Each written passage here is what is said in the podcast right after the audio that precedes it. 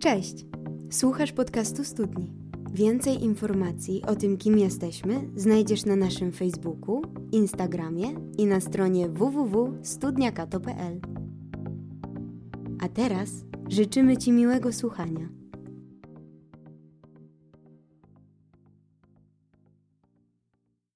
Cześć i czołem!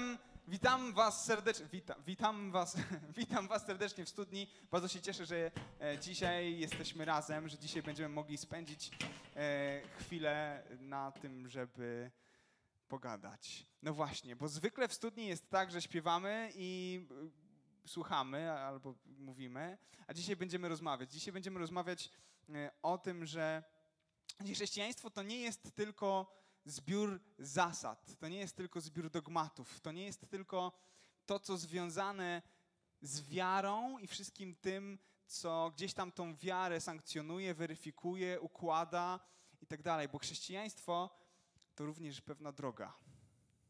To droga. Pierwsi chrześcijanie byli nazywani e, ludźmi drogi. To pewien proces. I to jest przygoda, w którą e, to Bóg nas zaprasza. Przygoda, która e, jak to z przygodami różnie bywa? Mamy tutaj jakichś ludzi, którzy lubią przygody? O, fantastycznie, trzy czwarte sali. Ekstra. Cieszę się, że lubicie przygody. Jak jak, słuchajcie, jak pakujecie y, torbę, znacie ten moment, taki pakujecie torbę albo plecak i wychodzicie poza próg czegoś takiego bezpiecznego i znanego i wiecie, że za chwilę może wydarzyć się coś, czego nie jesteście w stanie przewidzieć. Może wydarzyć się ten moment taki, w którym jakby nigdy nie byliście. E, coś, z czym nigdy się nie mierzyliście. I to jest w sumie takie rajcujące trochę, nie? E, lubicie ten stan? Że, że, że nie wiadomo, co będzie za chwilę? Okay? Nie, nie wszyscy. Dobra? Ale to może być pociągające. W każdym razie z Bogiem jest trochę tak właśnie, że ta droga wiedzie przez różne momenty, różnymi zakrętami, różnymi meandrami.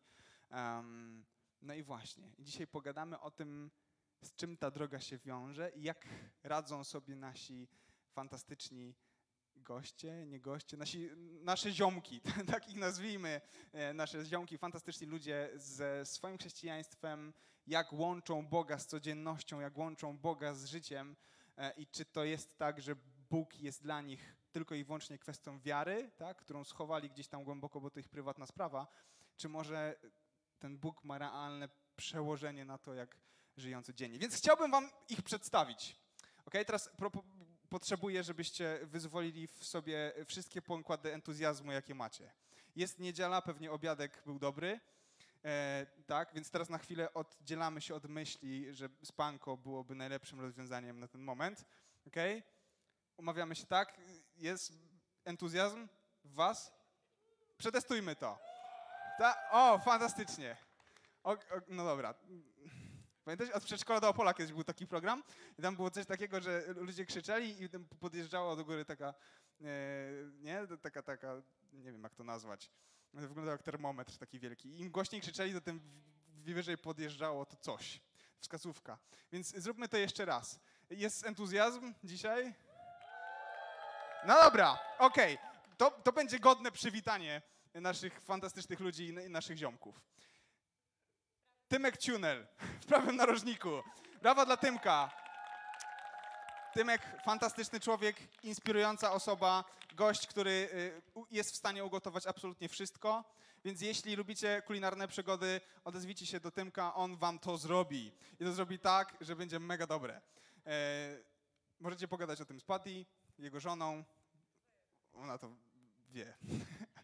Że, że, więc y, składania, składać można zamówienia u Tymka za chwilę. Nika, Nika Szemszur, brawa dla Niki! Nika, super inspirująca osoba, niezwykle utalentowana e, wokalistka, piosenkarka, e, gwiazda scen i estrad.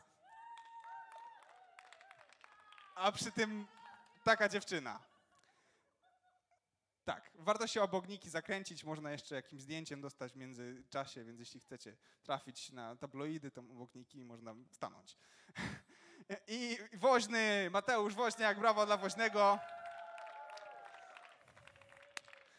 Super inspirujący człowiek również. Słuchajcie, samych inspirujących ludzi mamy dzisiaj. Człowiek wielu talentów, niesamowity fotograf. Um, nie wiem, czy będzie mówił dzisiaj o fotografii. Chyba nie.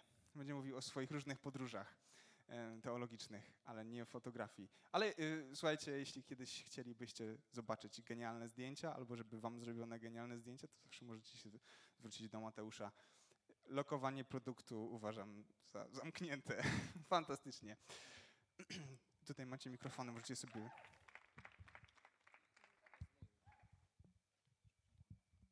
No dobra. E, To ja bym chciał zacząć od bardzo trudnego pytania. Tymek, jak się czujesz dzisiaj? Bardzo dobrze, Bardzo dobrze? nie najgorzej. W każdym Bardzo razie. dobrze, nie najgorzej. Fantastycznie. E, Dzisiaj będziemy gadać o życiu. Tak wiem. Tak, super. Dobra, no to e, Nika, a jak u ciebie? Jak tam e, z dzieciakami ostatnio? O, błagam. Nika ma dwójkę fantastycznych dzieci. Bliźniaki. Śpisz trochę chociaż? Nie, Nie? Nie śpię. Nie, właśnie dziś jest ciężko, Mhm. ale spoko. y, spoko. Woo! Świetnie, dobrze nam idzie.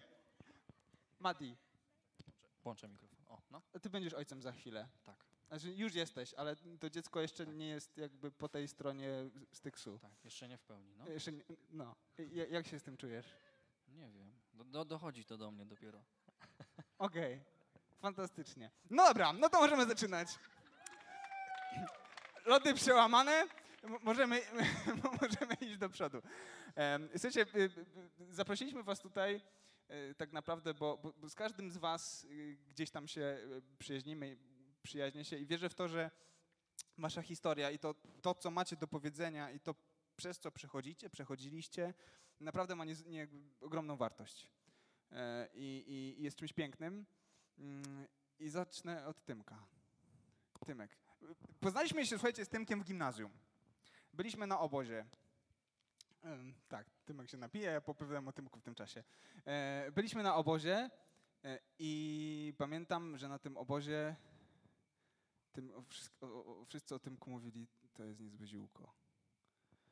Byłeś niezłym ziółkiem. Tak czy nie? Wtedy były takie zalążki chyba takiego niezłego ziółka, jeżeli to tak mogę skwitować. No, Ale tak, tak. Mamusia mnie wysłała na kolonie, czy tam obóz Obóz. i tam pojechałem, bo musiałem.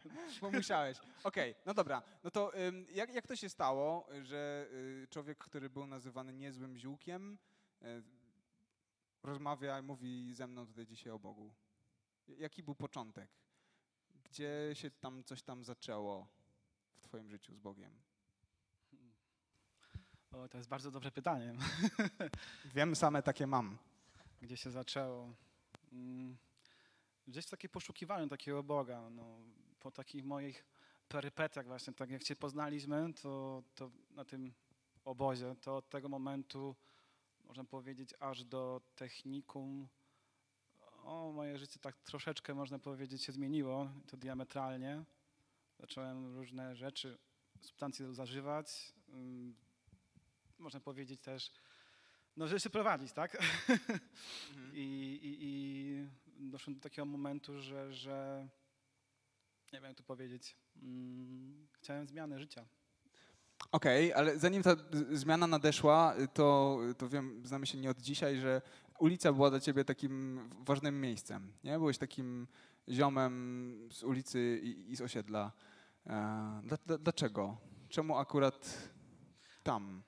Mm, No, teraz po czasie już o tym wiem, co, się, co, co było jakby prowoderem. U mnie zawsze jakby w domu, tak każdy ma tam jakąś historię domową, ja mam swoją. Był taki problem ojca, nie? że u mnie w szkole, nie wiem, miałem takiego ojca surowego, że dostałem, nie wiem, czwórę, to ojciec się pyta, czemu nie piątkę. Dostałem trójkę, to czemu nie czwórę. Zawsze byłem niewystarczająco dobry i teraz po czasie wiem, że tej takiej akceptacji siebie szukałem na ulicy, na, żeby, wiadomo, chciałem zaimponować kolegom, no to wiadomo, trzeba było się zjarać. Chcieliśmy tam gdzieś zaimponować, no to szło się na jakiś tam rozwój. Potem już, jak na narkotyki brakowało pieniędzy, trzeba było te pieniądze zdobyć. To tam potem szukało się różnych, różnorakich, możliwych zarobków, tak? Czy to w handlu, czy, czy w kradzieżach właśnie. To na jakiś tam, bardzo było dużo, nie chcę tutaj wymieniać, bo, ale no tak, tak, to, dlatego przede wszystkim znalazłem się na ulicy, bo jakoś próbowałem siebie tam odnaleźć, odnaleźć swoją osobowość i tym też podbijałem swoje ego, nie? Mówiąc właśnie, co robiłem złego i, i, i to chyba było takim prowoderem, mi się wydaje. Brak takiego, takiej akceptacji ojca. Okej, czyli, czyli na ulicy szukałeś si- siebie, szukałeś swojej własnej wartości. Zna, znalazłeś ją tam? Tak wtedy, tak wtedy myślałem, że znalazłem. No tamten moment jakby chwilowo to było dla mnie taką ucieczką, aczkolwiek jak to jest na ulicy, że wszystko jest dobre, to się, można powiedzieć tylko na chwilę, tak? Jeżeli jesteś sam gdzieś na topie, masz te pieniądze, masz te narkotyki, masz te plecy, to jest okej, nie? Ale jak się pogubisz, to, to potem już jest lipa, nie? To wtedy już nie ma tych kolegów, nie ma, nie ma takiej popularności i lecisz na dno, nie? A na dnie to już nie jest tak wesoło jak na topie, nie? Okej, a- ale to, co to, to znaczy, jak się pogubisz w kontekście ulicy? W jaki sposób się pogubiłeś? No, różnoraki, no, no, można powiedzieć, już nie panowałem nad tym, ile biorę narkotyków, jakie narkotyki biorę. U mnie codzienność to było rano wstać, zajarać papierosa, walnąć kreskę, potem dopiero zaczynałem życie, nie? Tak się zaczynało mój dzień, praktycznie każdego dnia. I, i, gdzieś tam na tyle się wciągnąłem w narkotyki, że nie panowałem nad tym, mm, można powiedzieć, nad finansami. I potem pewnym osobom mm, musiałem te pieniądze, nie? I nie miałem skąd je wziąć, nie? I to też był problem dla mnie w tamtym czasie. I znalazłem się w takim, można powiedzieć, punkcie wyjścia, nie? Że, że nie było tych znajomych, nie było pieniędzy, nie było narkotyków, e, e, kontakty się pourywały i, i szukałem właśnie takiego, takiego wyjścia, nie? Tam wiadomo, że jak już nie masz kolegów, no to gdzie idziesz? Mamuśki, nie? Z ojcem nie miałem kontaktu, więc po raz, nie wiem, kolejny, mówię, mamusiu, kochana, to ja, twój syn, wracam. I wtedy mama już miała tak mnie dość, bo ja matkę okradłem, ojca okradłem, mm, kłamałem na potęgę i mama powiedziała, że dość. Już się miarka przebrała, że jedyna rzecz, którą może mi zaproponować, jest to wyjazd do Woli Piotrowej na terapię i, i tyle mo- może od siebie dać. Jak nie, to nie. nie? I ja byłem w takiej kropce, że nie miałem co jeść, gdzie spać, yy, co palić, co ćpać. Szukali mnie ludzie bardzo nieodpowiedni, więc stwierdziłem, że tak, że to jest dla mnie wyjście, nie? na chwilę obecną. Nie? Wiadomo, nie wyobrażałem sobie tego tak, jak to tam było rzeczywiście, bo bardziej to widziałem pod kątem takich, jak w filmach zagranicznych jest. Że wiesz, będziesz pójdziesz sobie na siłkę, na, siło, na, na, do tej terapii, pojesz sobie, nie wiem, potem przyjdzie do ciebie jakaś terapeutka, wy będziecie w takim kółeczku, jak teraz mniej więcej. Cześć, jestem Tymek. Cześć, Tymek. tak to widziałem, nie? A, a wcale tak nie było. Było całkiem inaczej, tak, że no nie jeden by się zapłakał. Nie? Ja, też, się zapłakałem, żeby nie było, że jakiś tutaj super bohaterem jestem, nie? Okej, czyli e, e, ten, to postanowienie, żeby spróbować z terapią, e, to, to nie było tak, że w pewnym momencie stwierdziłeś, a dobra, spróbuję z terapią, e, bo tak, tylko że trochę przycisła rzeczywistość, pchnęła cię do tego rzeczywistość, tak? To, to że e, popaliłeś jakieś tam mosty za sobą, już nie było do czego wracać. Dokładnie tak. No, to jest taka dość ciekawa historia z tą terapią, bo właśnie tak jak mówię, nie zdawałem sobie z tego sprawy. I też jakby otaczając się w tym świecie chrześcijańskim, mama mówi, że to jest chrześcijańska terapia. Ja zawsze chrześcijan brałem, wtedy tak, żyłem, za takich trochę ludzi odklejonych od rzeczywist- rze- rzeczywistości, nie? Są sobie chrześcijanie, mają tam swój, swój świat, swój kościół, swoje modlitwy, swoje tam śpiewanie, ale to nie jest dla mnie, nie? Trafiłem na terapię i tam był taki Radek. Chłop był wydzierany, całe rękawy, twarz takiego zabójcy. Cześć. Mówię, kurde, cześć. Jak, się- jak, jak się nazywasz? Ja mówię, kurde, to, to jakiś kryminał czy co? Mówię, Tymek. Dobrze. I wiecie, I to był twój terapeuta, tak? dokładnie. Ja wiedziałem, co, Nice. już jest, co już jest pięć, nie? Że to nie jest taki Tymek, cześć. No.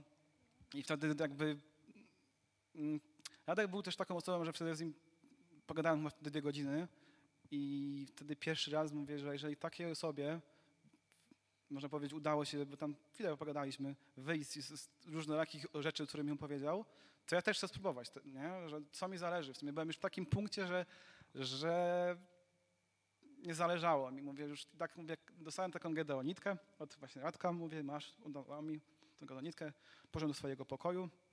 W gaciach jeszcze miałem schowane pa- papierosy, żeby sobie po tym zapalić, ale mówię, klęknę sobie przed tym łóżkiem i się pomodlę, mówię, nie? I, i, wtedy mówię, Panie Boże, mówię, jeżeli Ty tam naprawdę jesteś, istniejesz i masz jakiś wpływ na tę moją rzeczywistość, na ten mój byt, no to zrób coś, nie? Bo mi się żyć już nie chce. Ja miałem już samobójcze, był totalny dramat.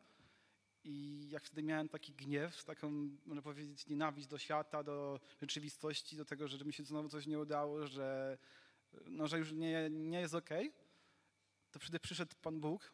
Ja wtedy totalnie w to nie wierzyłem. Przyszedł i wziął taką całą tą nienawiść, taki cały ten gniew i dał taką, nie wiem, taką, to nie wiem, co to było za uczucie, takie, to jest takie uczucie, że któregoś się nie da opisać. Tak, tak to mogę ująć śmiesznie, że to jakbyś do dziewczyny dwa to zarywał i by powiedziała, że z tobą chce być na przykład. Nie? To takie, takie uczucie było, że po prostu mnie, Okej. tak się poczułem, że to było no super, nie? I potem kolejna reakcja kolejnego dnia, znaczy nie, jeszcze w tym samym dniu, jakby ja zacząłem kać. Dostałem tą gedonitkę, co do tego Radka miałem i tam właśnie były te psalmy Dawidowe. I Dawid tam przepraszał Boga za swoje jakby zachowanie, nie? Ja nie znałem wtedy Biblii. I wiecie, czytam sobie pierwszą kartkę i płaczę, nie? I te łzy lecą na tą, na tą gedonitkę. Ja to tak, wiecie, kolejna kartka i czytam i płaczę i beczę jak małe dziecko. Gdzie ja nie płakałem, wiecie, ja byłem takim, ja nie chcę tutaj mówić brzydko, ale takim, no, zagorzałym człowiekiem, tak to ładnie ujmę. I kolejnego dnia rano się obudziłem, wiecie, gdzie ja naprawdę miałem problemy z paleniem, z narkotykami i bałem się, jak to będzie, nie? Wstaję rano i wiecie, nie mam ochoty palić, ćpać i mówię, co jest grane, nie? Biorę te papierosy, co miałem, cisnę do tego radka, masz. On bierze, tam, tam jest kotłownia, nie? Wrzucam je do, do, do pieca. Więc od tego się zaczęła moja cała droga taka chrześcijańska. Okej, czyli zaczęło się od momentu, kiedy pomodliłeś się i Bóg w jakiś sposób odpowiedział na tę modlitwę. Tak, dokładnie, bo ja wcześniej jakby, wiesz, mi mama mówiła, nie? Słuchaj, Bóg cię kocha, nie? Bez spoko. Cię też kocha. nie ma problemu. O, Bóg, Bóg jest miłością. A jak? Jest stary, jeszcze jak. Ja miałem to, wiesz, dla, dla mnie, jeżeli czegoś nie doznam, nie przeżyję, czegoś nie... W jakiś sposób sobie, w jakiś sposób tego nie będę mógł sobie zobrazować, albo no, nie mam takiego przeżycia, to Mhm. no już mówić mi, nie? Ale ja w to nie wierzę, nie? No, Okej. Ciężko mi było w ten, ten, tamtym moment w to uwierzyć, nie? A po takim przeżyciu ja nie wiedziałem, co się dzieje, stary, nie? Dla mnie to było w ogóle, wiesz, no nie wiem, bardzo mocne przeżycie. Do, do dzisiaj pamiętam i, i, i to było... No dobra, i to był taki moment, kiedy na tej terapii pomodliłeś się, coś się zmieniło, znikł głód narkotykowy, tak?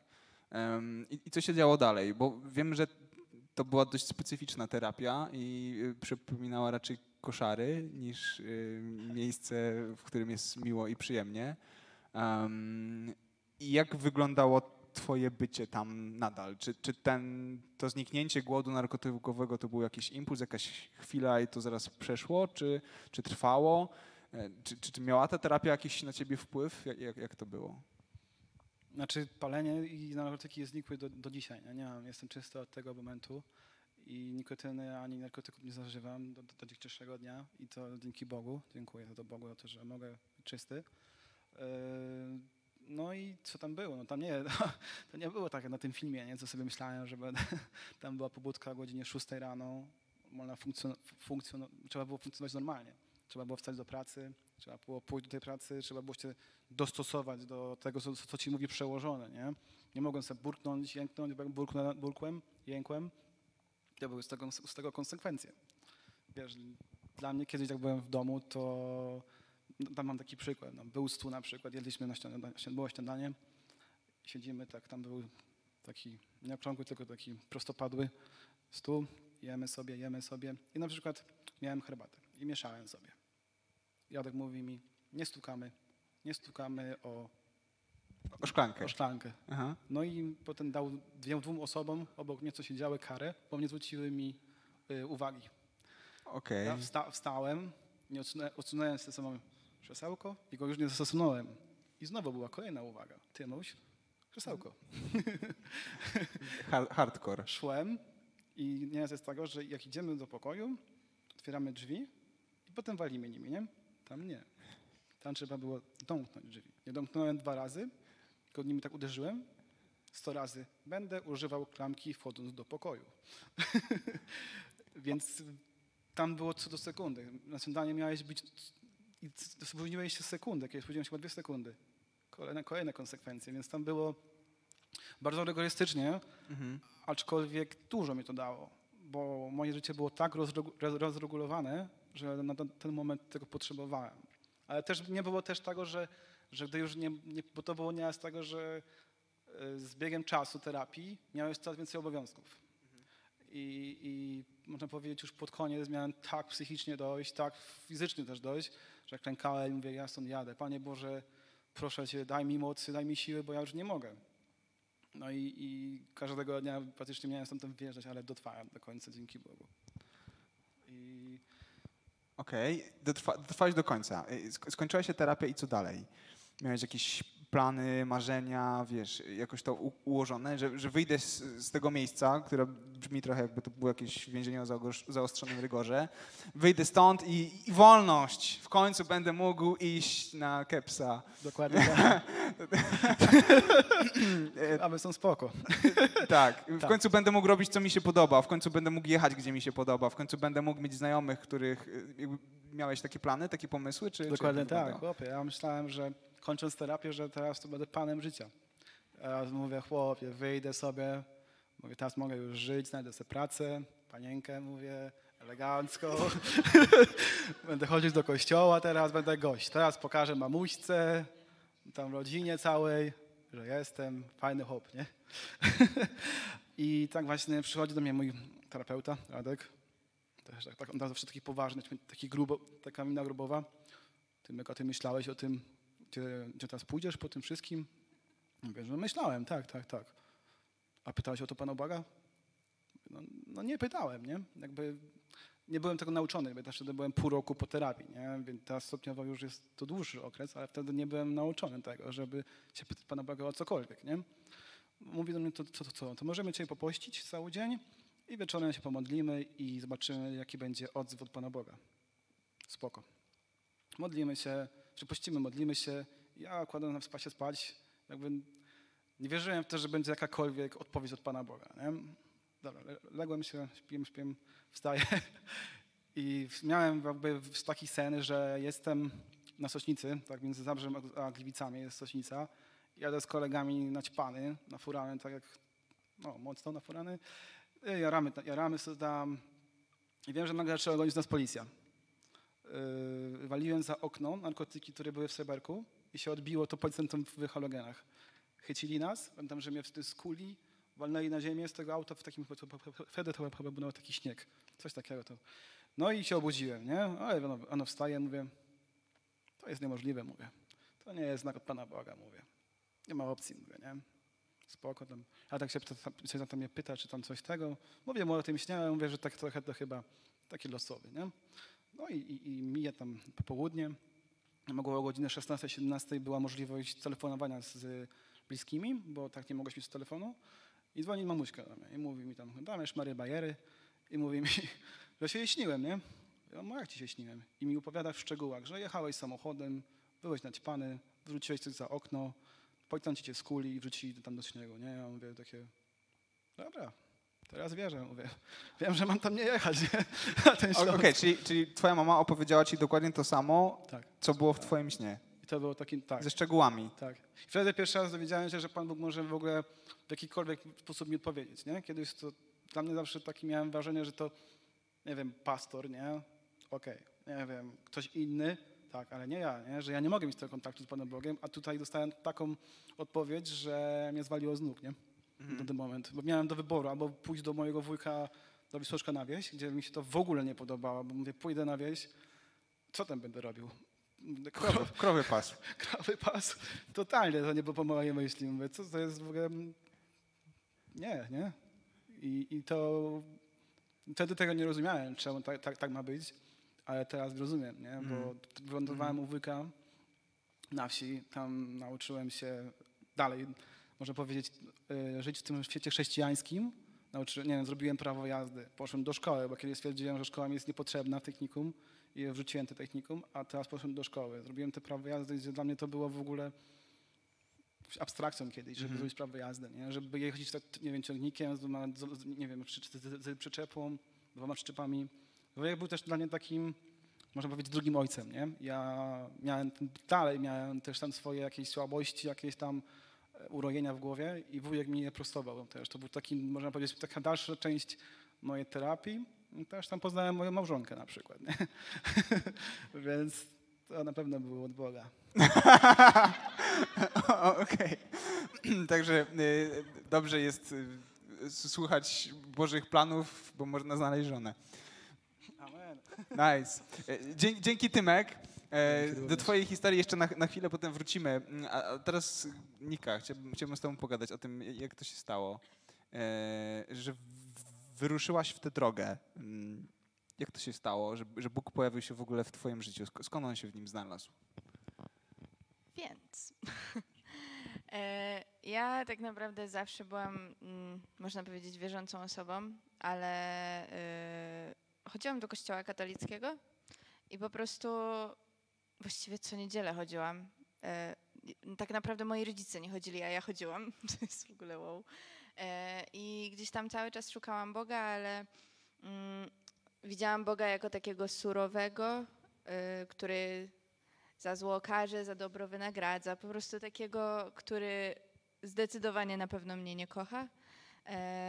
I po prostu jest, jakby panuje nad wszystkim, jako takiego sędzie, sę, sędziego? Sędziego. Sędzie, czy coś.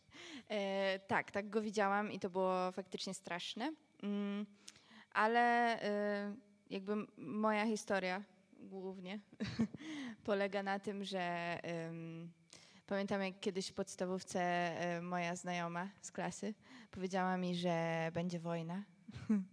E, ja miałam chyba 12 lat e, i tak bardzo się przeraziłam tak, taką błahostką tak naprawdę, że e, zaczynałam szukać coraz więcej informacji. Im bardziej szukałam, tym bardziej się bałam, e, aż w końcu po prostu wpadłam w takie bardzo mocne stany lękowe, e, w których tak naprawdę zasypiałam o czwartej, piątej, mając 12 lat, a budziłam się o siódmej do szkoły, więc generalnie cały czas byłam zmęczona. E, wszystkiego się bałam. E, to się cały czas rozwijało, rozwijało, nic nie działało. E, żaden psycholog, psychiatra, nic generalnie nie działało. I miałam dwa e, takie główne irracjonalne lęki, które jeden lęk to był lęk przed śmiercią, przed taką szybką śmiercią, tragiczną. E, około 12 roku życia byłam przekonana o tym, że tak umrę i nie przeżyję życia, nie będę miała dzieci, męża, nic nie będę miała, tylko po prostu umrę. Drugą, drugim irracjonalnym lękiem było to, że zasnę i, i też umrę, Bóg mnie zabierze, bo tak bardzo mnie nienawidzi. E, I to było coś, czego jakby nie umiałam określić, ale czułam, że czułam taką bezsensowną e, jakby nienawiść. To było jakby niewytłumaczalne i bałam się tego, że po prostu umrę w nocy, że zasnę i już się nie obudzę. E, I w tamtym czasie też taką dość dużą ucieczką moją e, był taniec, bo trenowałam przez 12 lat. E, I to było w tamtym czasie bardzo dobre dla mnie, bo miałyśmy treningi każdego dnia po 4 godziny. I zaczęłyśmy wchodzić też na scenę polską i światową, zdobywałyśmy mistrzostwa Polski, świata i to jakby zabierało mi czas.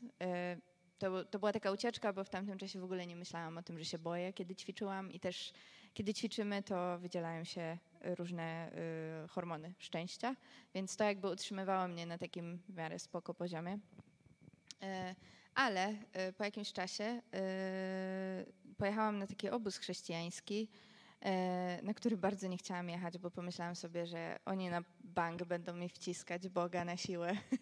będą chcieli, żebym oddała mu swoje życie. E, I była, i cały czas się modliła. Ja po prostu miałam taki obraz, że no straszny obraz miałam, bo myślałam, że życie z Bogiem to jest po prostu udręka jedna wielka. E, bardzo nie chciałam jechać, ale oczywiście jakimś cudem tam pojechałam. E, I pamiętam, jak e, wtedy e, oddałam swoje życie Bogu. E, I pomyślałam sobie, pamiętam jak wracaliśmy w nocy e, przez las, gdzie ja normalnie byłabym już naprawdę w srogim ataku paniki, bez oddychania przez jakieś 5 minut. A tutaj po prostu wyszłam, przeszłam przez ten las i nie odczuwałam nic, w sensie żadnego lęku. Czułam raczej radość i tak jakby ktoś mi życie podarował e, na nowo i pomyślałam sobie, super, znalazłam metodę na mój lęk. e, I byłam taka przekonana, że to już nigdy nie wróci, e, nigdy nie będę się już bała. E, no i tak sobie żyłam przez kilka miesięcy, aż w końcu e, pewnej nocy miałam takie doświadczenie, gdzie zasypiałam i myślałam, że wszystko będzie totalnie ok, ale czułam już taki zaczynający się niepokój. E, I pamiętam, że wtedy już jakby miałam takie też em, dziwne, takie już bardziej czuciowe, słuchowe em, doświadczenia, gdzie ten lęk przeradzał się już w taką paranoję po prostu. Już totalnie mnie sparaliżował. Ja wyskoczyłam z tego pokoju i nie byłam w stanie już zasnąć i to się rozkręciła na nowo.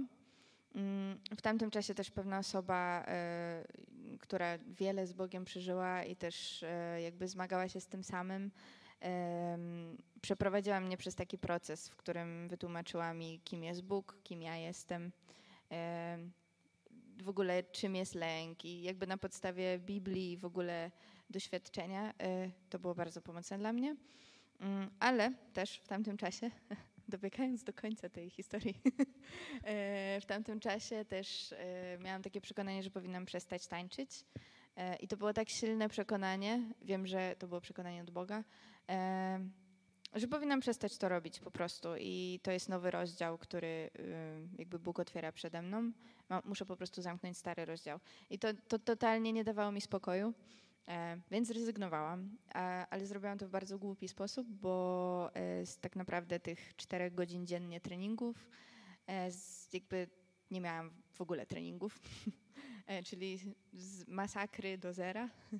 E, I tym samym jakby te wszystkie hormony, które się wydzielały, e, one po prostu zostały odcięte i też ja przybrałam na wadze bardzo szybko, bo jadłam dalej tyle samo, ile potrzebowałam do tych treningów, e, ale nie ćwiczyłam. I to też jakby wprowadziło mnie w taki stan depresyjny i później już taką mocną depresję, o której tak naprawdę nie wiedziałam, bo w ogóle byłam przekonana, że depresja to jest po prostu złe samopoczucie. Ale e, w rozmowie gdzieś tam w kościele z osobą, e, jak się dzieliłam tym, co, co czuję, jak się w ogóle, jak wygląda mój dzień, e, to pamiętam, że ta osoba powiedziała mi, że mm, myślę, że możesz mieć depresję i powinnaś jechać do lekarza. Ja wtedy pojechałam do lekarza, bo już byłam na takim skraju, że byłam w stanie wyskoczyć przez okno z dziesiątego piętra. W sensie to już był taki skraj beznadziei y, i lęku i, i- bycia wiecznie samemu i nie, nie bycia w stanie zrobić nic tak naprawdę, ani wstać z łóżka, no, no nic. E, że mi już było wszystko jedno, więc pojechałam tam z moimi rodzicami. E, I zaczęłam wtedy też terapię, taką e, terapię generalnie farmakologiczną. E, To nie była silna terapia, ale bardzo mi pomogła. No, więc jakby o tym jest moja historia, ale. A to może przejdziemy No, później. no właśnie, bo chciałbym dopytać, bo y, opowiadasz o tym, wiesz, że jest Bóg w twoim życiu i tak dalej. I, i, I nagle z, tego, z tej opowieści o tym, że jest Bóg w twoim życiu, przechodzisz płynnie do tego momentu, y, że mówisz, że to wraca. Nie? Wraca lęk, wraca strach, y, wracają jakieś myśli samobójcze i tak dalej. I, i jak to połączyć ze sobą? Czy, czy, czy faktycznie, wiesz, Bóg był w twoim życiu i, i wiesz to, że On tam był, że, e, że- że ten Bóg działał i tak dalej, bo, bo ktoś mógłby powiedzieć, nie no dobra, wiesz, jak się jest chrześcijaninem, są, są tacy ludzie, którzy twierdzą, że jak jesteś chrześcijaninem, no to jesteś zawsze, powinieneś być zawsze uśmiechniętym, radosnym i skaczącym z radości na zawołanie człowiekiem. A nagle mówisz, wiesz, e, o tym, że, że jednak tak nie było. E, Dla, dlaczego? Jak to się, wiesz, u ciebie działo? Em, Myślę, że y, jakby w kościele jest takie fałszywe przekonanie, że jak się jest chrześcijaninem, jak się nawracamy i oddajemy własne życie z własnej woli Bogu, to po prostu świetnie. W sensie już do końca życia super. Żyli długo i szczęśliwie. Tak, tak, my, tak myślimy na początku, kiedy oddajemy własne życie Bogu, myślę. I też dużo ludzi, którzy są, myślę, niewierzący, też mogą myśleć w taki sposób. Em, I to jest fałszywe, bo generalnie życie z Bogiem polega na tym, że w momencie, kiedy oddajemy Mu własne życie, e, wszystkie obietnice, które On ma dla nas, e, zdrowie, to, co stało się na krzyżu, e, po prostu pełnię radości, wszystkie te obietnice, które możemy przeczytać w Biblii, one są tak i amen od samego startu dla nas, ale to jest trochę tak jakby, kiedyś przeczytałam to w książce to mnie tak mocno uderzyło, że to jest trochę tak jakbyśmy musieli przejść pewną drogę i jakbyśmy dostali w spadku ziemię w Stanach na przykład Zjednoczonych e, i musielibyśmy tak naprawdę, żeby to zobaczyć e, na własne oczy i stanąć na tej ziemi, musimy e, przelecieć 12 godzin samolotem, pewnie jeszcze kilka godzin autem, żeby tam stanąć i powiedzieć, tak, to jest moje. Więc to nie do końca wygląda tak, że od razu jest świetnie. E, I też myślę, że dużo ludzi, którzy. Myślę, że też dużą, dużą rolę w tym wszystkim gra to, jaką mamy osobowość, jaki mamy charakter, bo Bóg stworzył nas z pewnymi predyspozycjami i ja na przykład musiałam zrozumieć, że jestem wysoce wrażliwą osobą i po prostu mam tendencję do tych rzeczy, ale w tej wrażliwości też jest duży potencjał, bo czuję po prostu więcej niż inni ludzie. E, niż po prostu przeciętny, y, nie wiem, zenek gdzieś tam w pracy i, i tak dalej. I to jest fajne, ale z drugiej strony jest to y, bardzo ciężkie, bo y, niesie ze sobą tendencję do depresji, do stanów lękowych, e, do paniki. E, I każdy z nas jest stworzony w inny sposób. Każdy z nas ma inną osobowość, każdy z nas ma tendencję do tego, a w tym ma niesamowity potencjał. Więc Bóg jest mądry. Ogólnie. Tak, pełna zgoda. Bóg, Bóg jest mądry. Ale bo czasami dzieje się tak jak u Tymka, nie? Że, jakby, że, że jest modlitwa, jest y, taki moment, kiedy łapiemy się Boga e, i Bóg w cudowny sposób coś zabiera, nie? Tak jak Tymek opowiadał o tym, że, że znikł ten, ten, ten głód, E, ale czasami y, Bóg zaprasza nas do pewnego procesu. Mm, Jak z tym procesem jest u ciebie teraz? Gdzie jesteś w tej drodze? Mój proces. Proces tak śmiesznie brzmi. E, tak To, to, prawnie. to w tej przy, przygodzie? Przygoda lepiej? Nie, spoko, jakby nie mam Spoko? problemu z tym, że tak mówisz. Okej. E, Proces, nie chodzi o karny proces, tak, nie? to Ani nic sądowy. To, to, chodzi o zmianę, jakąś o drogę. Mhm. Tak. Okej, świetnie. Zgadzamy się. Ekstra. Więc, y, nie no, jakby ja chyba y, ostatnio zrozumiałam, że mm, bo ja bardzo jestem y, jakby w stu procentach za tym, że każdy z nas musi przejść pewien proces, bo y, jakby za naszą wolnością stoi wolność wielu innych ludzi. I kiedy my jesteśmy prawdziwie wolni i kiedy my przejdziemy pewien proces łamania, y, zaraz to wytłumaczę bardziej, E, Ale kiedy przejdziemy ten proces, to tak naprawdę możemy przynosić innym ludziom wolność. I prawdopodobnie teraz, kiedy ja mówię tą historię, prawdopodobnie mogę przynieść komuś wolność i, nie wiem, jakieś pocieszenie, e, podnieść kogoś. Tylko dlatego, że po prostu przeszłam pewną drogę e, i poznałam w tej drodze Boga. E, co ja chciałam powiedzieć? Myślę, że jakby bardzo ważne jest to, żeby zrozumieć, że, że to, że jesteśmy wierzący, to nie znaczy, że jakby nie będziemy się zmagać z rzeczami. W sensie jakby to jest po prostu normalna droga. To, że jesteśmy wierzącymi, to, to nie jest. Nie wyznajemy Ewangelii sukcesu, gdzie po prostu kiedy się nawracamy, to wszystko jest niesamowite i cudowne. Ja nadal e, zmagam się z lękami, nadal w nocy doświadczam ataków paniki, nadal naprawdę są sytuacje, w których mam wrażenie, że nie ma wyjścia, ale przez tą całą drogę, przez ten cały proces Bóg jakby y, sprawiał, że wzrastałam w autorytecie. I teraz, kiedy ja mówię cisza i spokój w imieniu Jezusa, to jest cisza i spokój, ale kiedy mówiłam to na samym początku, y, to nie miałam za bardzo pojęcia, o czym mówię i nie, nie mówiłam jakby z doświadczenia w ogóle. Więc nie miałam w ogóle żadnego autorytetu i, i nic się nie działo. Dzisiaj jest zupełnie inaczej i jakby przez te wszystkie lata Bóg nauczył mnie, jak sobie radzić z moją wrażliwością. Są, są rzeczy, których ja nie mogę robić, a może robić każdy z was. Nie mogę oglądać niektórych filmów na Netflixie. na przykład. Ja generalnie wybieram filmy na Netflixie z Duchem Świętym. to jest bardzo śmieszne, ale bardzo ważne. Okej, Duch, Duch Święty, a ty ile gwiazdek tutaj w tę stronę? Tak. Nie zaglądam na film. Weba, zaglądam do nieba. To jest cytat na Facebooku. Okej. Tak. I, i co, co jeszcze? W sensie, jak, jak wygląda, no bo pewnie filmy to tylko jedna, jeden z elementów Tak. gdzieś tam tej codzienności z Bogiem i radzenia sobie em, z, z tymi stanami różnymi, nie? E, Myślę, że największą rzeczą, którą musiałam zrozumieć i zrozumiałam do, ją dopiero w momencie, kiedy e, mam swoje dzieci. E, to jest jakby moment, w którym nie masz czasu dla siebie w ogóle i jesteś 24 na dobę tak naprawdę w ciągłym takim pędzie życia dla kogoś. E, jakby musiałam się nauczyć trwać w Bogu, a nie tylko spędzać z Nim godzinę dziennie. E, I to jest takie, myślę, kluczowe, że możemy spędzać czas z Bogiem tak naprawdę teraz, w sensie y, ja, trwanie w Bogu to jest, to są momenty w moim życiu, gdzie ja zmywam naczynia i naprawdę czuję, że On przychodzi i chce teraz coś do mnie mówić i ja się na Niego nie zamykam i po prostu słucham Go i sobie z Nim rozmawiam. E, I to, to nie jest po prostu takie re, religijne jakby zachowanie, tylko to jest, to jest otwarta konwersacja. Po prostu w ciągu dnia spędzam, jakby każdą sekundę mogę spędzać z nim. Nie jest to godzina dziennie, tylko jest to każdy moment.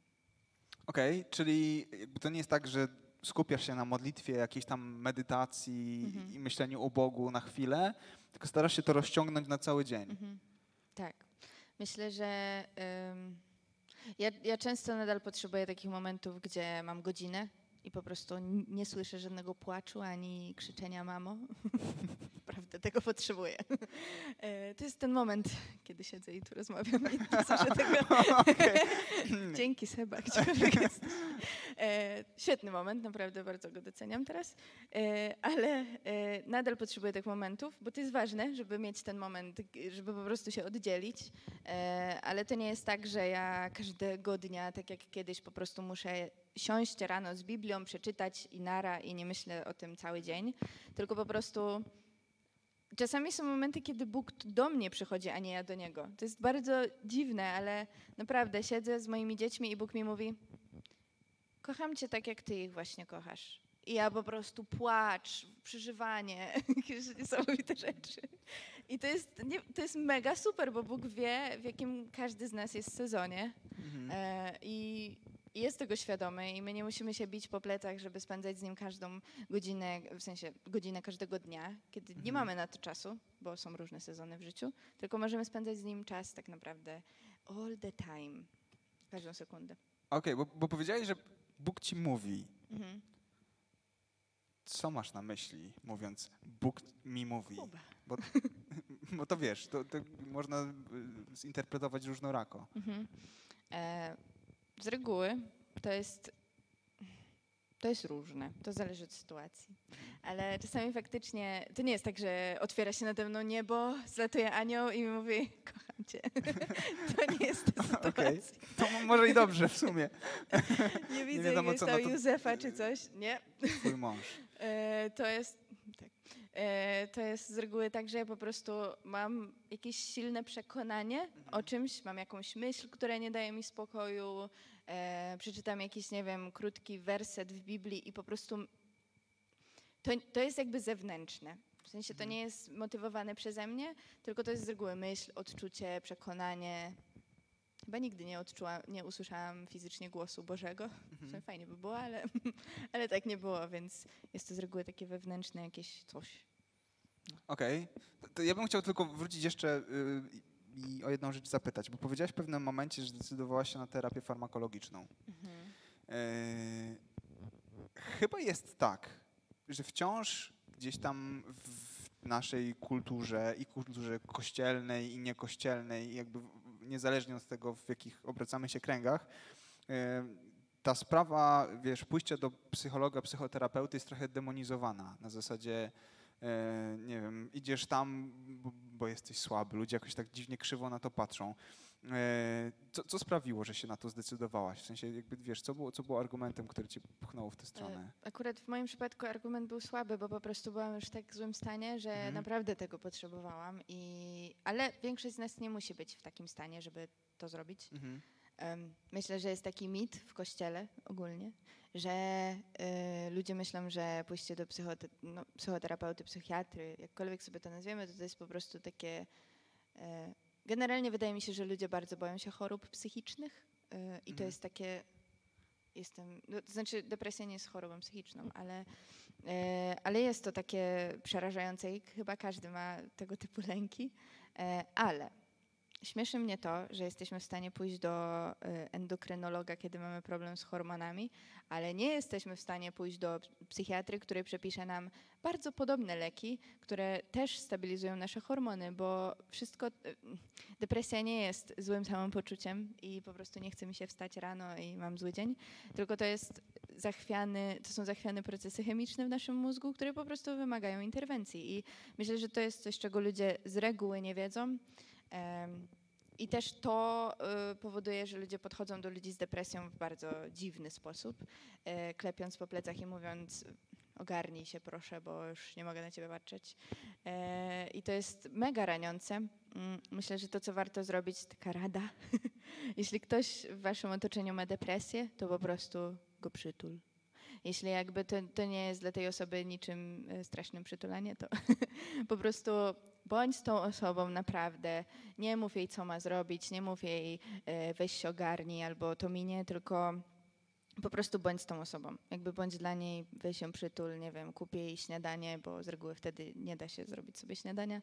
To jest, my, myślę, bardzo ważne. I jest bardzo dużo takich mitów wokół depresji, więc Okej.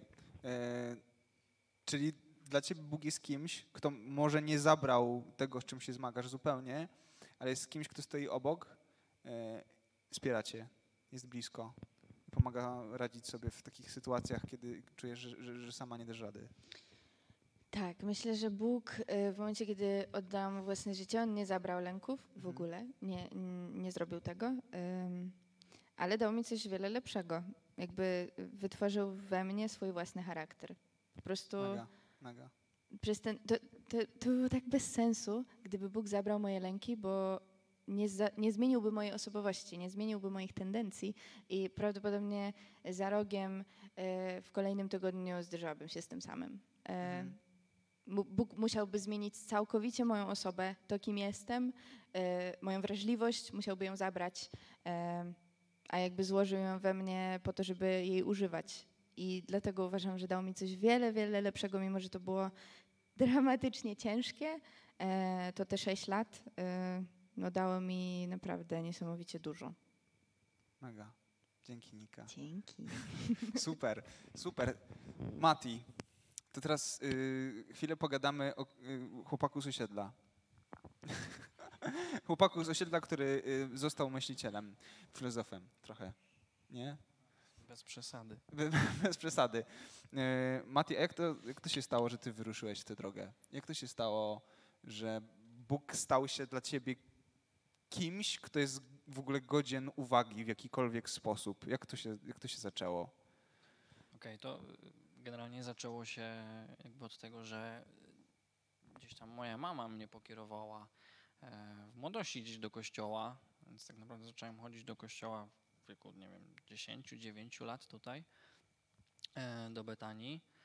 E, No i gdzieś tam widziałem jakby te, te dwa światy w sensie, nie? Jakby gdzieś tam świat w szkole, jakby inne zachowania dzieciaków, a inne zachowania rówieśników tutaj, nie? Jakby podobało mi się to, co tu się dzieje, natomiast nie do końca kumałem jeszcze czacze, o co tu chodzi i tak dalej. E, No i sobie tak trwałem, trwałem, trwałem, trwałem. E, Później zaczęły się obozy młodzieżowe i tam e, gdzieś faktycznie zacząłem poznawać Boga, zacząłem przeżywać Boga w fajny, fajny sposób. Były fajne doświadczenia naprawdę i gdzieś taki powstał w moim sercu taki głód Boga. E, Tylko, że wracając z tych obozów, wracałem do szarej rzeczywistości, e, wracałem na osiedle, zderzałem się z tą codziennością i w związku z tym, że moja asertywność kiedyś to było zero, to niedługo, że tak powiem, e, trwałem w tym, co tam przyrzekałem i obiecałem przed sceną, że tak, już na 100% idę za tobą i w ogóle. Miało dwa tygodnie i upadałem i Okej, czyli mm, żyłeś jakby na, na, na dwa fronty trochę, tak? tak. Czyli chwilami w kościele i w kościele było super i tak dalej, a potem wracałeś na osiedle i też było super, ale inaczej, sensie z ziomkami. No to już później, jak byłem jakby gdzieś tam w wieku takim młodzieżowym, e, czy miałem te 15, tam 17, 19 lat, e, no byłem taką chorągiewką, nie? Czyli przychodziłem do kościoła, zakładałem maskę. E, gdzieś do kwestii wiary i do kwestii Boga, Boga podchodziłem bardzo szczerze generalnie, e, bo jakby faktycznie ja, ja, ja go pragnąłem i jakby często pokutowałem z tego, co robiłem Mhm. Ale tak bardzo podobał mi się ten świat i to, co on oferował, że no, dwa, trzy dni ja znowu gdzieś tam szedłem z kolegami e, na jakąś popijawę i tak dalej. No, Później zaczęły się już inne rzeczy, ale to Okej, no dobra. I jesteśmy w momencie, kiedy Bóg gdzieś tam jest, się, się pokazuje, e, ale jedziesz na dwa fronty. Jak, jak długo trwał taki, taki stan, takie wiesz, bycie jedną nogą tu, drugą tam? Wiesz co, były momenty lepsze i gorsze. Mhm. Nie? Generalnie y, udawało mi się czasem nawet dociąć do osiedla na 2-3 miesiące. Później wracałem, byłem takim, y, generalnie byłem lubiany zawsze na osiedlu, ale dzi, dzi, dziwny byłem, nie? bo nigdy za bardzo nie przyznawałem się do tego, że gdzieś tam chodzę do kościoła, ciągle to ukrywałem, ciągle ukrywałem moją wiarę. E, No i tam, wiesz, spotykałem tam kolegów, jakby gdzie indziej chodziłem do szkoły, jakby nie chodziłem do szkoły z kolegami z osiedla, tylko inni ludzie byli, nie? I tam gdzieś tam bardziej otwarcie mówiłem o tym, na nie chodziłem na religię, więc gdzieś tam bardziej otwarcie rozmawiałem o Bogu. Na osiedlu y, w ogóle o tym nie mówiłem, nie przyznawałem się do tego, że jestem z innej wiary, nie? Był jakimś tam kocikiem albo coś. E, no i, i, a w kościele jeszcze inną osobą byłem, więc jakby zakładałem sobie wszędzie te, te swoje maski.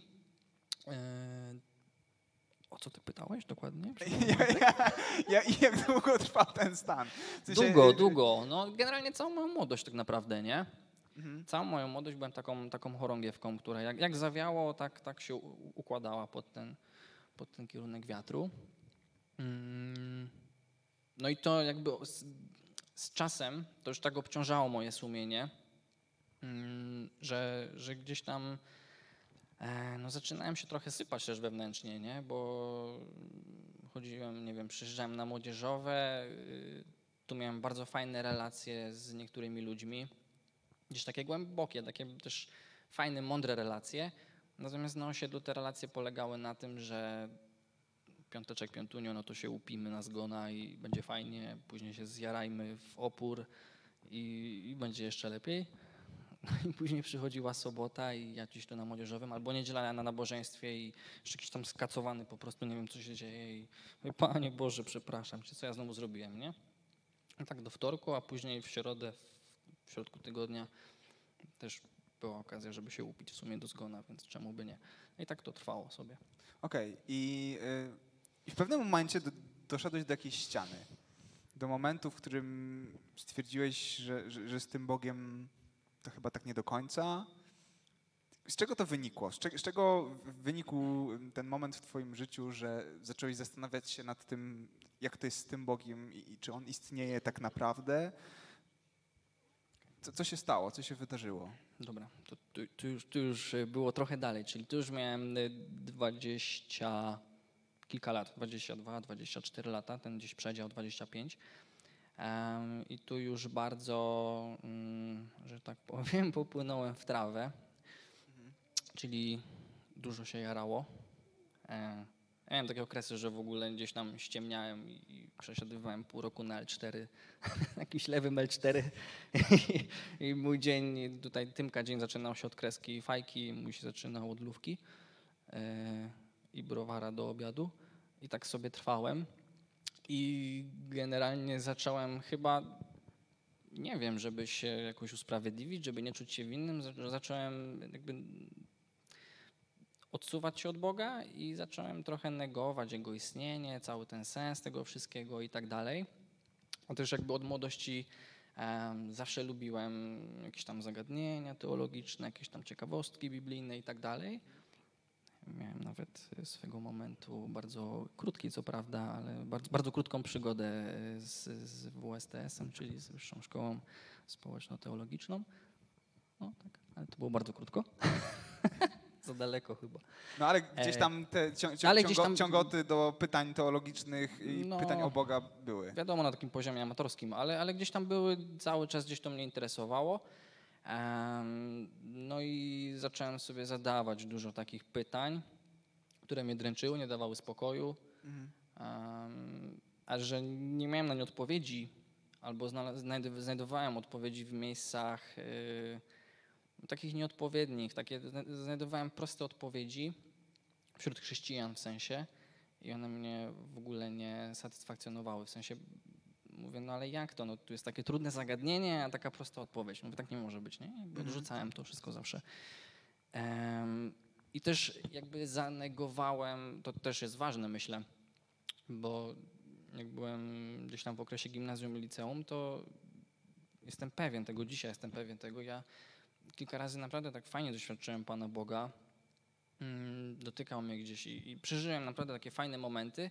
A później zacząłem to wszystko negować, nie? że to były emocje, że jakieś jazdy zbiorowe, jakieś konferencji i w ogóle nie wiem, muzyka, jakieś tam dziwne wpływy na umysł i tak dalej. E, i zacząłem to wszystko negować. E, Zacząłem wszystko sobie bardzo racjonalizować, nie? Jakby do tego podchodzić w taki racjonalny sposób. I tak sceptyczny byłem do wszystkiego, co się działo. Później, jak już był ten etap właśnie takiego powątpiewywania coraz większego, to przychodziłem na nabożeństwo, sobie tak obserwowałem, nie? oni podnoszą ręce, tak dziwnie się zachowują w ogóle, tak naprawdę jak się przyjdzie do Betanii i jakby popatrzy się tak na to z boku, tak z, wiesz, totalnego boku, nie? że Mhm. jakby nie, nie uczestniczysz w tym, to mówię, wow, co za, co za ludzie w ogóle, nie? Jak ja tak mogłem w ogóle, co za jazda, nie? Jakby co, co, co, co oni mają w głowie, nie? Więc do tego tak podchodziłem. No i em, później zacząłem się zagłębiać w te tematy. Mm, mi się po y, czterech albo pięciu latach, jakoś tak teraz musiałem, sobie to przeliczyć, czterech albo pięciu latach za, ograniczyłem y, trawę. Było to spowodowane ślubem z moją żoną kochaną, która ma niesamowitą cierpliwość i miłość. I wielki wpływ. Wielki wpływ, tak. Ale zacząłem się zagłębiać jeszcze bardziej gdzieś tam y, w lekturę, mm, lekturę ateistyczną. Zacząłem gdzieś oglądać jakieś debaty, słuchać r- różnych, różnych rozmów po prostu, gdzieś tam debat. O, Okej. Może tak. I, I stałeś się ateistą? nie. Nie, nie stałem się ateistą, mm, bo dla mnie ateizm też jest pewną formą wiary, e, więc ja nie potrafiłem jakby, no nie potrafiłem, nie, nie, znalazłem żadnych odpowiedzi, które by mówiły stanowczo tak albo stanowczo nie. Mhm. Czyli postawiłem się w miejscu bardzo wygodnym, nazwałem się, dumnie brzmi, nazwałem się agnostykiem. Nie? Czyli mówię, nie wiem, czy Bóg jest, czy go nie ma. Ja nie jestem w stanie jakby tego dowieść. Myślę, że to tak po prostu podchodziłem do tego w ten sposób. Nie? Jakby e, tak sobie myślałem, że znalazłem miejsce, w którym gdzieś tam moje su- sumienie nie będzie obciążone wtedy właśnie, nie? Mm, czyli tak mówię, a wygodnie będę sobie żył sam dla siebie. E, No i jakby mm, poczułem taką straszną wolność wtedy, to było takie sztuczne bardzo, ale poczułem na krótki okres straszną wolność, że wreszcie jestem panem swojego życia i sam decyduję o sobie i sam dla siebie będę Bogiem teraz, nie? Nik- Nikogo tam nade mną nie ma, a nawet jak jest, bo nie wiem czy jest, to, jakby na tą chwilę mnie to w ogóle nie interesuje. Okej. W sensie on. No dobra. I jesteśmy w miejscu, w którym mówisz o sobie jako o agnostyku. W twojej historii. A teraz y, siedzimy, gadamy i finalnie, to nie jest spoiler dla nikogo, ym, deklarujesz się jako chrześcijanin, nie? I mówimy, e, finalnie o tym, jak Bóg gdzieś tam działał w twoim życiu. I teraz jak z punktu A, z punktu, w którym jakby twierdziłeś, że, że, że nie wierzysz, przeniosłeś się do punktu B. Co się stało? To był proces. To słowo, którego nie lubi Nikola. Em, nie, no generalnie mm, jakby tak, nazwałem się agnostykiem, natomiast ja ciągle drążyłem ten temat.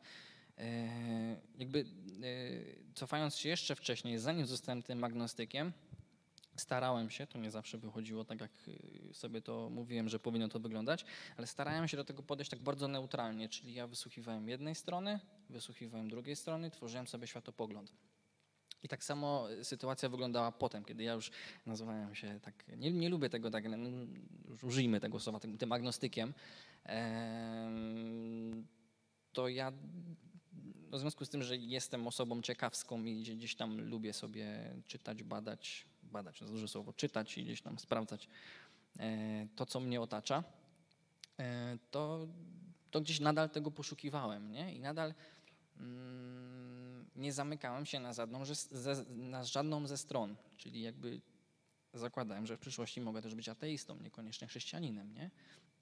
Jakby też zaczął się ten okres taki, że e, tak serce, nie, nie wiem jak to powiedzieć, no, rzućmy, serce podpowiadało mi, że no nie mogę tkwić ciągle w tym stanie, bo to jest stan neutralności taki no, bez sensu, nic mi nie mówiący. On jest wygodny na krótką chwilę, ale no co dalej, nie? Muszę zadecydować albo tak, albo nie. nie? Więc jakby to nie dawało mi spokoju. No i gdzieś tam poszukiwałem, poszukiwałem, poszukiwałem. E, w pewnym momencie dostałem książkę, e, która otworzyła mi trochę głowę. Dostałem książkę e, pastora e, Timothy'ego Kellera. E, Wiara w epoce sceptycyzmu, jakoś tak, że nie pamiętam tytułu. Bóg, czy są powody, by wierzyć? Tak. I tam jest dopisek Wiara w epoce sceptycyzmu. Tak. tak. Od, Jeden, od, jeden. Od, od szanownego tutaj y, prokuratora. E, no i, Nie i jestem prokuratorem. tak, ale to była nasza książka. e, no i ona mi trochę otworzyła głowę. W sensie jakby ja po przeczytaniu jej nie, nie, nie padłem na kolana i nagle tak, przepraszam cię Boże. Ale wreszcie spotkałem, y, jakby ten etap też, którym przechodziłem, e, no nie no, szurowaty to taki za, za słowo, ale yy, sp- spotykałem na swojej drodze, gdzieś tam yy, w książkach czy w internecie, takich chrześcijan, którzy bardzo myśleli tak zero-jedynkowo, tak prostolinijnie i jakby gdzieś tam padały takie populistyczne, nazwijmy to, tezy Mhm. gdzieś tam. I strasznie mi się to nie podobało. Ja mówię, kurczę, taka zagmatwana sprawa, y, no, Mhm. tak ciężko odpowiedzieć tak zero-jedynkowo na, tą, na, na to pytanie, dać taką odpowiedź. A on tak jakby nigdy nic prosto z mostu, no to jest taki koniec, kropka, nie? Jakby do mnie to w ogóle nie trafiało. Natomiast ten y, człowiek, który napisał tą książkę i nie tylko tą, szczerze polecam gościa, e, to otworzył mi głowę na, na kilka rzeczy i jakby wtedy mm, byłem bardziej otwarty na tą stronę chrześcijańską. Mhm. I od tamtego momentu zaczął się taki proces powrotu do Boga, który trwał ponad rok. Em, tak. Okej, no dobra. Y, I wiem z- skądinąd, bo tam rozmawialiśmy o tym y, już wcześniej, że, że miałeś takie momenty, kiedy próbowałeś w jakiś sposób zbliżyć się do Boga, w sensie zrobić coś, żeby wykonać jego ru- ruch w tę stronę. Jakie to były momenty? Pamiętasz? Okej, Co- coś tam pamiętam. Fantastycznie. Em, Wiesz co, były takie momenty, kiedy już tak, tak bardzo wewnętrznie gdzieś to wszystko było niespójne, bo ja chodziłem do zboru cały czas, bo byłem już, ma, miałem już żonę, chodziłem na studnie. Jakby ja przyznawałem się do tego, że no może nie wszystkim, ale generalnie tym, którzy byli blisko, przyznawałem się do tego, w jakim ja jestem aktualnie stanie. E, Więc ja gdzieś tam przychodziłem na nabożeństwo, przychodziłem na studnie, słyszałem te rzeczy. Czasem gdzieś tam docierały do mnie, czasem odbijały się, po prostu ja o tym zapominałem. Ale było takich parę momentów, gdzie tam jakieś słowo gdzieś tam po, po, powierciło mi w serduchu. I mm, nawet było parę sytuacji gdzieś tam w domu, kiedy byłem sam, a lubię być sam. Także to, co Nikola mówiła na temat, za miesiąc będę miał syna i Nikola mówi, że ona nie ma czasu dla siebie, to po prostu za, załamka od razu. E, To jest ważna studnia dla niektórych dzisiaj. Eee, tak daje dużo do myślenia a propos dzieci i ten i nie no żartuję. E, I nawet próbowałem pokutować. Miałem takie sytuacje, że, że próbowałem pokutować i, i moja pokuta polegała na tym, że ja sobie klęczałem, bo, bo czułem taką potrzebę skruchy. Em, tylko, że ja mówiłem przepraszam, je koniec. Nie potrafiłem wypowiedzieć słowa Jezus w modlitwie. Tak podczas rozmowy z kimś, tak po prostu na chłodno, no to jasne, nie? No Jezus, postać historyczna, no, no, ja, ja tam, ale tak, tak szczerze, e, na sam, sam na sam przed Nim nie potrafiłem, no nie potrafiłem wypowiedzieć imienia Jezus, czyli było grubo już ze mną, e, tak to można nazwać. Mm, No i druga sprawa jeszcze to, co jest tak bardzo ważne, to to, że y, ja powiedziałem też, y, może tak trochę wcześniej znowu, y, powiedziałem jakby tak w sercu sam, sam, sam do siebie, ale jakby też do Boga, y, że ja pójdę za Tobą, uwierzę w Ciebie na 100%, pójdę za Tobą, ale i wymieniłem pewne warunki. Y, Postawiłem Bogu pewne warunki, ma być tak i tak i tak i tak. No, Na przykład siedzę sobie w pokoju i fajnie by było, gdybyś tutaj usiadł przede mną, pogadalibyśmy sobie i ja wtedy zadecyduję, że za tobą pójdę.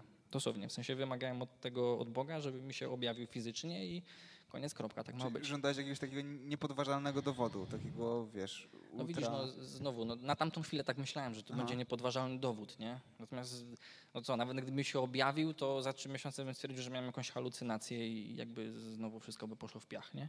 Mm. Więc, no. Okej. No i dobra, i co się stało? Jaki był ten moment przełomu, kiedy ta, ta w końcu pękła i, i, i stwierdziłeś tak, Bóg jest odpowiedzią gdzieś tam na, na moją potrzebę. Okej. Czyli to była pamiętna studnia. Widzisz? Studnia to zmienia ludzi. Nie. Wtedy był, pamiętam, Daniel. Mm, totalnie już nie pamiętam. Znaczy on opowiadał chyba jakoś swoje świadectwo. Nie, nie pamiętam już, to jest nieistotne. Natomiast było wezwanie do modlitwy na sam koniec. A gdzieś tam się czaiłem z tyłu, z przodu, tam robiłem zdjęcia, niby tam, wiecie, poświęcałem się, nie? E, I, i, i, ym, w sumie to wezwanie już było, większość ludzi już wyszła, wróciła z tej modlitwy, on tam jeszcze stał, może modlił się o jakąś jedną, dwie osoby. A ja w pewnym już momencie stałem z przodu i tak mi waliło, łomotało serce po prostu. Nogi to mi drżały całe, tak z 14 razy bardziej niż teraz. E, ręce to już w ogóle. Cały drżałem po prostu i tak jakby coś wewnątrz mówiło mi wyjść, natomiast moje ciało ciągle mnie hamowało i tak sobie tańczyłem. Em, I przełamałem się w pew- po, po, po, po chwili się przełamałem. Czy to nie była chwila, to była dla mnie wieczność, ale przełamałem się. Zrobiłem ten pierwszy krok, jak już zrobiłem ten pierwszy krok, to, krok, to wyszedłem. No i Daniel do mnie podszedł, coś tam zagadał yy, i zaczęliśmy się modlić. Znaczy on zaczął się o mnie modlić, ja się nie modliłem. E, zaczął się o mnie modlić, po czym po chwili zaczął gdzieś tam mówić po cichu do ucha. E, rzeczy, które miałem gdzieś tam, no właśnie.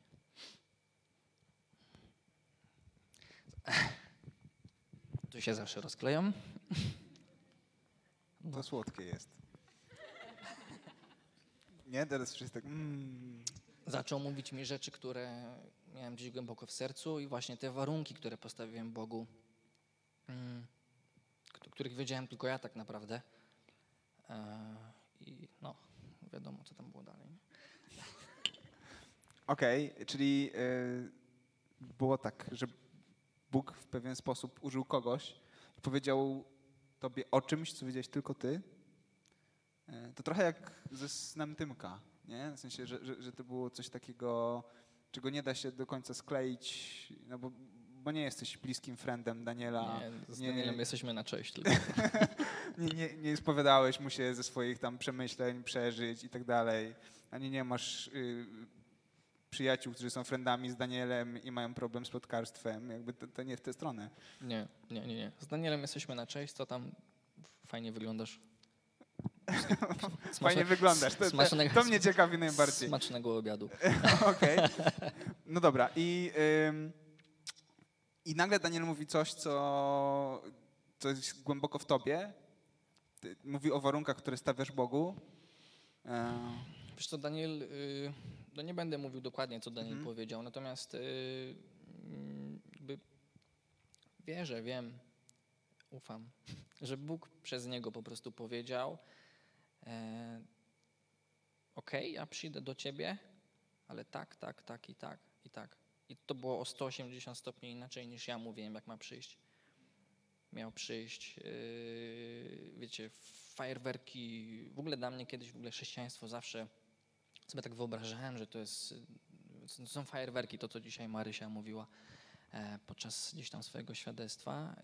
Yy, a Bóg przez Daniela powiedział, że nie, on, przyjdzie tak, tak delikatnie, że nawet ja, ja nawet tego nie poczuję, nie? Znaczy, no Mhm. poczuję to, ale przyjdzie tak delikatnie, jak taki delikatny powiew wiatru, nie? mhm. A nie po prostu, wiecie, jak jakiś tam tor gromowładny, nie? I to ja jestem Bóg, twój Pan i coś tam, nie? Jakby całkiem inaczej. Jakby wymienił tam kilka takich rzeczy i po prostu tak mnie wtedy to rozwaliło. Rozsypałem się totalnie podczas tej modlitwy. Zacząłem ryczeć tam jak jakiś yy, mięczak. A nigdy nie chciałem tak, na takiego, wiecie, wyglądać i, i, i po prostu to poryczałem się, gdzieś tam poleciałem do kibelka, zacząłem tam się wycierać papier toaletowy i mówię, co się ze mną dzieje w ogóle, całe się trząsę, mówię, co się dzieje, burzy mi się mój świat w ogóle, jak to, to nie tak miało wyglądać przecież, nie, ale no, od, tamtego, od tamtego momentu się zaczęło, nie, Mhm. zaczęła się droga. Zaczęła się droga. Kolejny proces. A y, y, powiedz mi, Maty, jeszcze, czy znalazłeś odpowiedzi na wszystkie pytania, które Ca, miałeś? ca, całe szczęście nie. Całe szczęście? Całe nie? szczęście nie. Miałem y, jakby podczas tego całego mojego poszukiwania i w ogóle jak tak sobie chyba myślę w większości mojego życia zadawałem mnóstwo pytań. Zawsze mi ciotka mówiła, ty filozofie, przestań coś tam zadawać mi pytania, nie wiem, nie mądruj się. Zawsze na takiego w rodzinie w ogóle, wiecie, nie, spotkanie rodzinne, a ja tam wypytuję ich po prostu, nie, a co ty myślisz o tym i o tym, a o tamtym i o tamtym. I faktycznie tak chyba było od dzieciństwa. E, i jakby zawsze wymagałem odpowiedzi, nie? No ale musisz mi odpowiedzieć, zadałem ci pytanie, no ale jak, co, jak to, jak to nie wiesz, nie? Jak to nie wiesz? Musisz znać odpowiedź, nie? E, i, i, I tak to po prostu traktowałem jakby, jak, jak miałem też jakieś rozkminy biblijne, no to za wszelką sz- cenę szukałem tej odpowiedzi i muszę ją mieć, nie? Mhm. Natomiast y, kiedy, kiedy po tym wszystkim, y, z procentem, z, całej tej sytuacji z Danielem y, i w ogóle też myślę, że przez te kilka lat poszukiwania takiego, takiego na serio, nawet przez ten moment mojego zwątpienia mojego, nazwijmy to, to myślę, że to mnie bardzo gdzieś rozciągnęło. Mhm. Mm, I chyba jestem wdzięczny za to w ogóle, że, że tak się stało, e, że nie mam takiego ciśnienia i tak przysłowiowo trochę poluzowałem majty i jakby nie muszę mieć odpowiedzi za wszelką cenę na każdy temat. Po prostu nie wiem. Może się kiedyś dowiem, może ktoś mi powie, może kiedyś coś na ten temat y, odkryję. E, a jak nie, no to, to luz, to zrobią to przyszłe pokolenia, albo, albo nigdy się nie dowiemy. Mhm. Totalny luz. Okej. Okej. Czyli Bóg cię wyluzował. Tak, ale jeszcze mógłby bardziej czasem. Ale też jest proces. Proces luzowania trwa. Fantastycznie. E, Musimy powoli kończyć. E, Dziękuję Wam za to, że opowiedzieliście nam e, swoje historie. Dzięki za Wasze otwarcie. Dzięki za to, że mogliśmy trochę bliżej Was poznać i trochę przyjrzeć się Waszej drodze. Procesowi pewnemu. Tak.